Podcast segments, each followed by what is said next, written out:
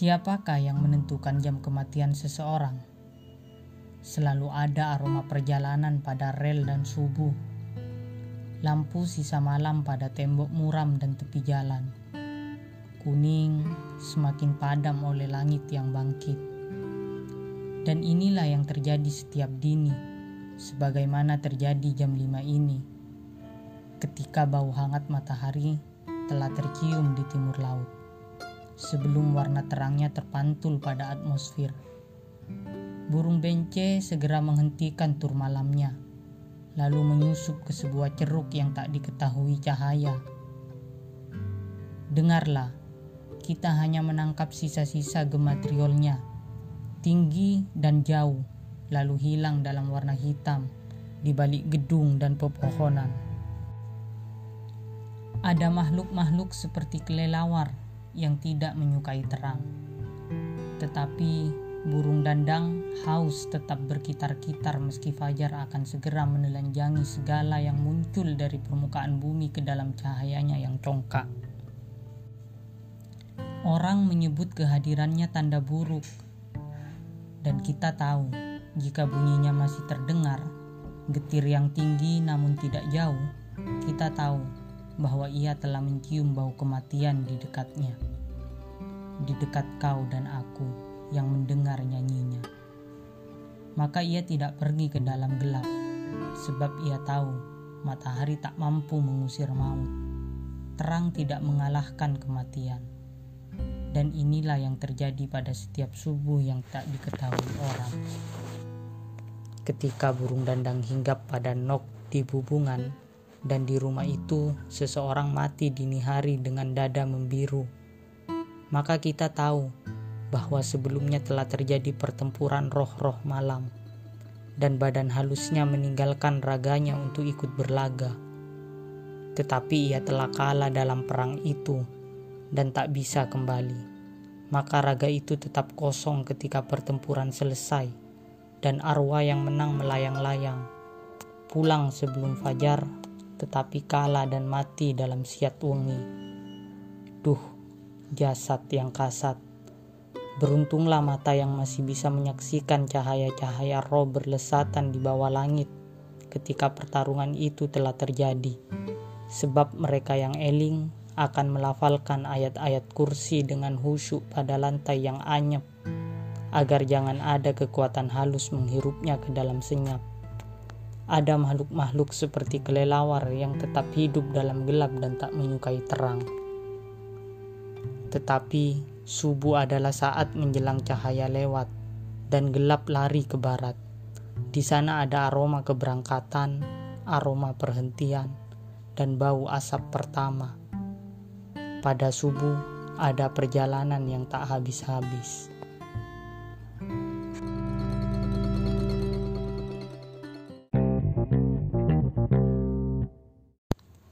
Halo, apa kabar teman-teman dengerin buku? Semoga semuanya dalam keadaan sehat, baik fisiknya maupun mentalnya, dan semoga semuanya masih bisa bertahan menghadapi situasi yang serba tidak jelas ya akibat pandemi ini. Oke, kali ini saya akan membahas uh, satu buah karya novel yang cukup lama juga ya cukup jadul. Kelanjutan dari uh, novel sebelumnya yang sudah saya review satu minggu yang lalu. Nah ya, novel pertamanya itu judulnya Saman dan ini lanjutannya berjudul Larung. Nah ini pertama kali Larung terbit da, di bulan November tahun 2001 yang merupakan karya dari Ayu Utami Nah, ini secara segi penulisan sebenarnya tidak berbeda jauh dengan uh, Saman, cukup menarik kata-katanya dan lain sebagainya. Kemudian tema-tema yang diangkat tentu saja masih berkesinambungan ya karena merupakan lanjutannya. Nah, cuman bedanya jika di novel Saman itu toko Saman yang merupakan judulnya itu baru muncul di pertengahan, nah ini beda di buku ini kita langsung dikenalkan dengan toko larung, toko utamanya di sini. nah, bahkan menghabiskan sekitar seperempat bagian novel ini di awal itu uh, kembali ke masa lalunya Larung. Jadi tidak langsung nyambung dengan uh, akhir kisah di novel Saman. Nah tapi di novel ini kita seolah-olah membaca buku lain. Karena jauh sampai akhirnya nanti uh, Larung ini bertemu dengan tokoh-tokoh yang ada di novel Saman Nah, di bagian awal itu yang Ayu Tami menggunakan sudut pandangnya si tokoh utama Larung ini, ini cukup menarik ya karena ceritanya sangat kental dengan mistis atau mitos-mitos Jawa, legenda-legenda yang ada di Jawa. Kemudian selain itu ada tentang ilmu perdukunan dan eh, sedikit menyinggung tentang G30S PKI itu ya Nah, di situ disinggung karena ayahnya dari Larung salah satu orang padahal termasuk tentara atau polisi gitu ya. Saya lupa persisnya. Uh, tapi dia juga dicurigai uh, tentara yang memihak pada komunis sehingga ayahnya Larung ini dilenyapkan. Jadi dari awal aja udah uh, apa Ayu Utami membawa kita ke suatu yang misteri yang mendebarkan. Nah, saran saya kalau buat teman-teman yang sedikit penakut jangan baca buku ini di malam hari apalagi menjelang tidur takutnya terbawa mimpi karena benar-benar horor di awal nah di sini juga eh, Ayu Utami sangat dalam ya risetnya terutama tentang ilmu kedokteran ilmu dasar-dasar ilmu kedokteran seperti fisiologi eh, ilmu tentang faal. Karena di bab awal ini banyak eh, Ayu Utami ini mendeskripsikan anggota tubuh tapi dengan kata-kata yang sangat menarik. Walaupun itu kadang termasuk uh, bagian tubuh yang jorok ya. Nah, tapi digambarkan dengan uh, apa pemilihan kata yang sangat uh, cantik oleh Ayu Utami.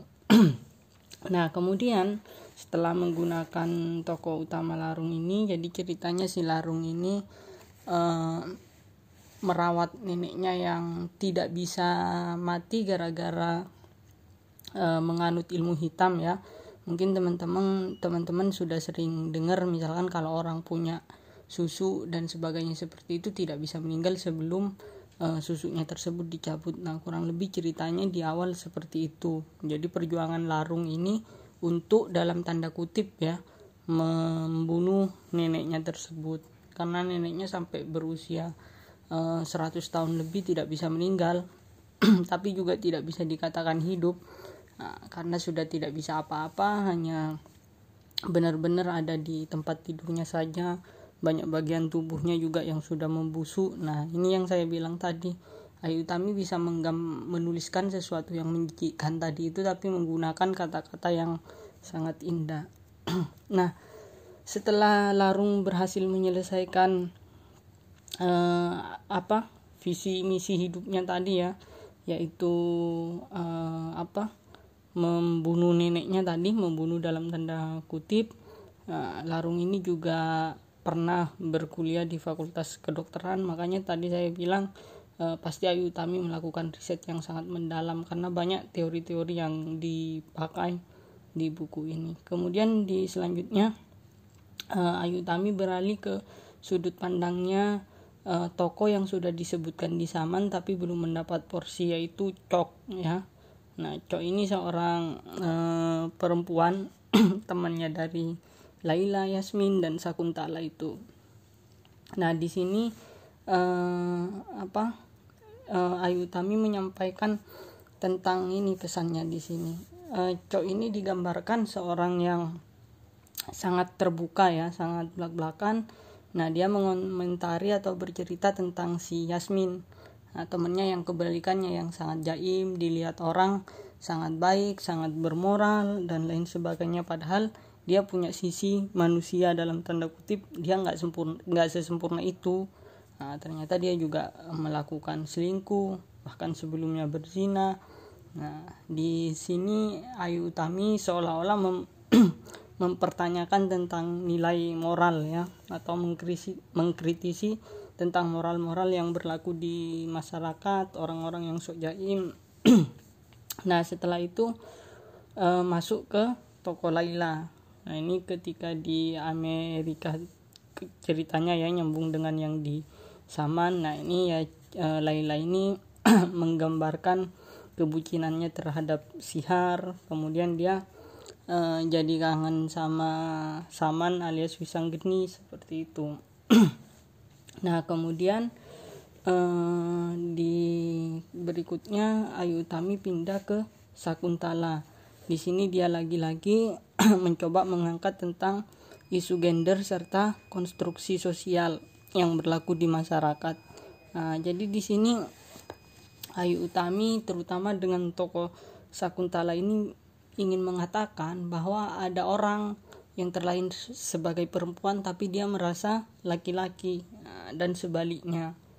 Nah, sangat bagus penggambarannya di sini kemudian di berpindah lagi ke sisinya Yasmin. Jadi kalau di buku sebelumnya hanya Yasmin berbalas-balas surat dengan uh, Saman. Nah, di sini terungkap semua karena udah pakai sudut pandangnya Yasmin sebagai aku. Nah, di sini banyak bercerita tentang seks ya, orientasi seks, kemudian perilaku seksual. Nah, di sini banyak meng menggunakan teori-teori biologi dan psikologi yang dipakai oleh Ayu Utami.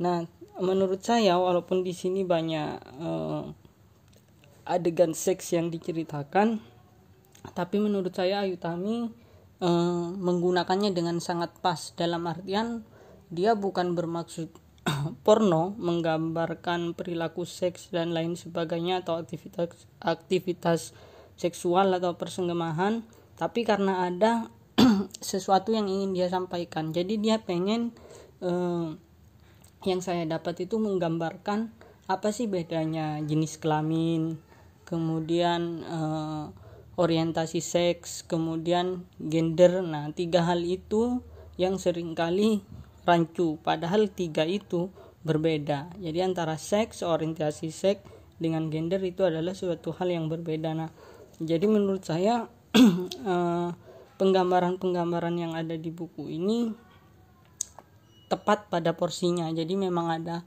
tujuannya mengapa Ayu Utami mengang menuliskan adegan-adegan tersebut. Jadi karena ada isu-isu yang ingin dia angkat. Terutama ini kan di 2001 ya. Hal-hal seperti itu masih sangat tabu tentunya. Karena di tahun sekarang aja 2021 hal yang demikian masih apa jarang didiskusikan di seminar-seminar dan lain sebagainya. Hanya ada di kelompok-kelompok tertentu. Nah kemudian setelah bicara tentang tadi itu selanjutnya Ayu Utami pindah lagi ke toko Saman. Nah, di sini menceritakan tentang uh, aktivisme apa yang terjadi di Indonesia. Karena di sini diceritakan Saman dibawa kabur oleh oleh Cok dan Yasmin karena menjadi buronan Eh, politik di Indonesia. Jadi untuk keselamatannya dia dibawa ke luar negeri ke Amerika. Nah di sini dia juga menceritakan kegalauannya terhadap Yasmin. Nah di sini konflik politiknya sudah masuk di era e, mendekati atau menjelang e, keruntuhan rezimnya Soeharto ya rezim Orde Baru nah yang di sini yang dituliskan dengan jelas juga tokoh-tokoh dan peristiwanya adalah peristiwa kuda tuli jadi kalau di Saman itu lebih ke peristiwa malari, kalau di sini peristiwa kuda tuli. Kemudian yang menarik juga di sini uh, Ayu Utami tidak memakai sudut pandang uh, tokoh-tokoh tadi, ada juga uh, di bagian terakhir. Nah, ini bagian paling seru. Jadi uh, sayangnya di buku ini Ayu Utami tidak bisa menjaga ritme menurut saya. Beda dengan uh, Saman uh, yang klimaksnya ada di tengah ketika masuk ke toko saman tapi habis itu turun perlahan nah di sini panas di awal ketika memakai toko larung tapi masuk di pertengahan itu uh, kurang greget menurut saya nah baru ketika masuk ke saman lagi sama ke yang orang ketiga ini terus lanjut larung. Nah ini udah mulai seru lagi. Udah menceritakan aktivisme di Indonesia. Jadi misi utamanya ini sebenarnya mereka ingin menyelamatkan tiga aktivis ya yang terkait dengan kuda dicurigai atau dituduh terlibat uh, peristiwa kuda tuli. Dia ingin diselamatkan ke luar, ke luar negeri nah yang bertugas menyelamatkan tiga orang aktivis ini larung dengan saman. Tapi sayang oh ya uh, di sini juga seru ketika menggawakan. Jadi tiga aktivis itu tidak memiliki porsi sebagai aku ya tapi diceritakan melalui dirinya larung. Nah tipe-tipe aktivis di sini kepribadiannya kemudian pertentangan antara ideologi sosialisme dengan kapitalisme. Di sini juga menarik karena Ayu Utami tidak memihak baik sosialisme maupun kapitalisme. Dia um, melihat secara utuh. Artinya dia melihat baik buruknya dari kedua ideologi ini. Kemudian yang paling seru tentu saja ketika aksi-aksi larung untuk melarikan aktivis ini dan melawan aparat yang akan menculiknya sayangnya ya di sini misi larung dengan saman ini gagal ya. Ya yang membuat gagal sebenarnya ya tiga aktivis tadi yang tidak patuh terhadap perintah uh, larung. Cuman yang saya agak sedikit kecewa itu saya pikir larung ini memiliki kekuatan mewarisi kekuatan neneknya sehingga akan berhasil melawan aparat. Ternyata tidak. Di sini digambarkan larung melawan dengan gagah berani Eh, terhadap interrogatornya tapi dia kemudian membuat emosi dan langsung saja ditembak. Termasuk Saman di sini juga ditembak. Nah bukan saya berharap harus happy ending nggak set ending juga menarik cuman uh, menurut saya jadi kayak anti klimaks aja perlawanannya. Kemudian ditutupnya dengan menggantung itu nggak jelas. Karena terakhirnya itu cuma uh, ketika mereka hampir berhasil melarikan diri membawa tiga aktivis itu ya, singkat cerita tertangkap ketahuan. Nah kemudian dipisah. Yang tiga aktivis dibawa ke Jakarta. Uh, si Larung Saman dengan adik angkatnya. Nah itu di tetap berada di Sumatera. Nah kemudian diinterogasi dan meninggal. Begitu saja tidak ada Nah, cerita selanjutnya lagi dan buku ini hanya duologi. Tapi bukan berarti buku ini tidak menarik untuk dibaca, tetap menarik agar tadi itu kita eh, apa mm, ada keinginan atau eh, terstimulasi untuk lagi membaca kejadian-kejadian apa yang pernah terjadi di negeri ini. Oke, uh, sekian dulu uh, pembahasan saya tentang novel Larung. Semoga masih bisa bertemu di episode berikutnya. Jangan lupa kalau beli buku yang original, jangan yang bajakan. Terima kasih, sampai jumpa minggu depan.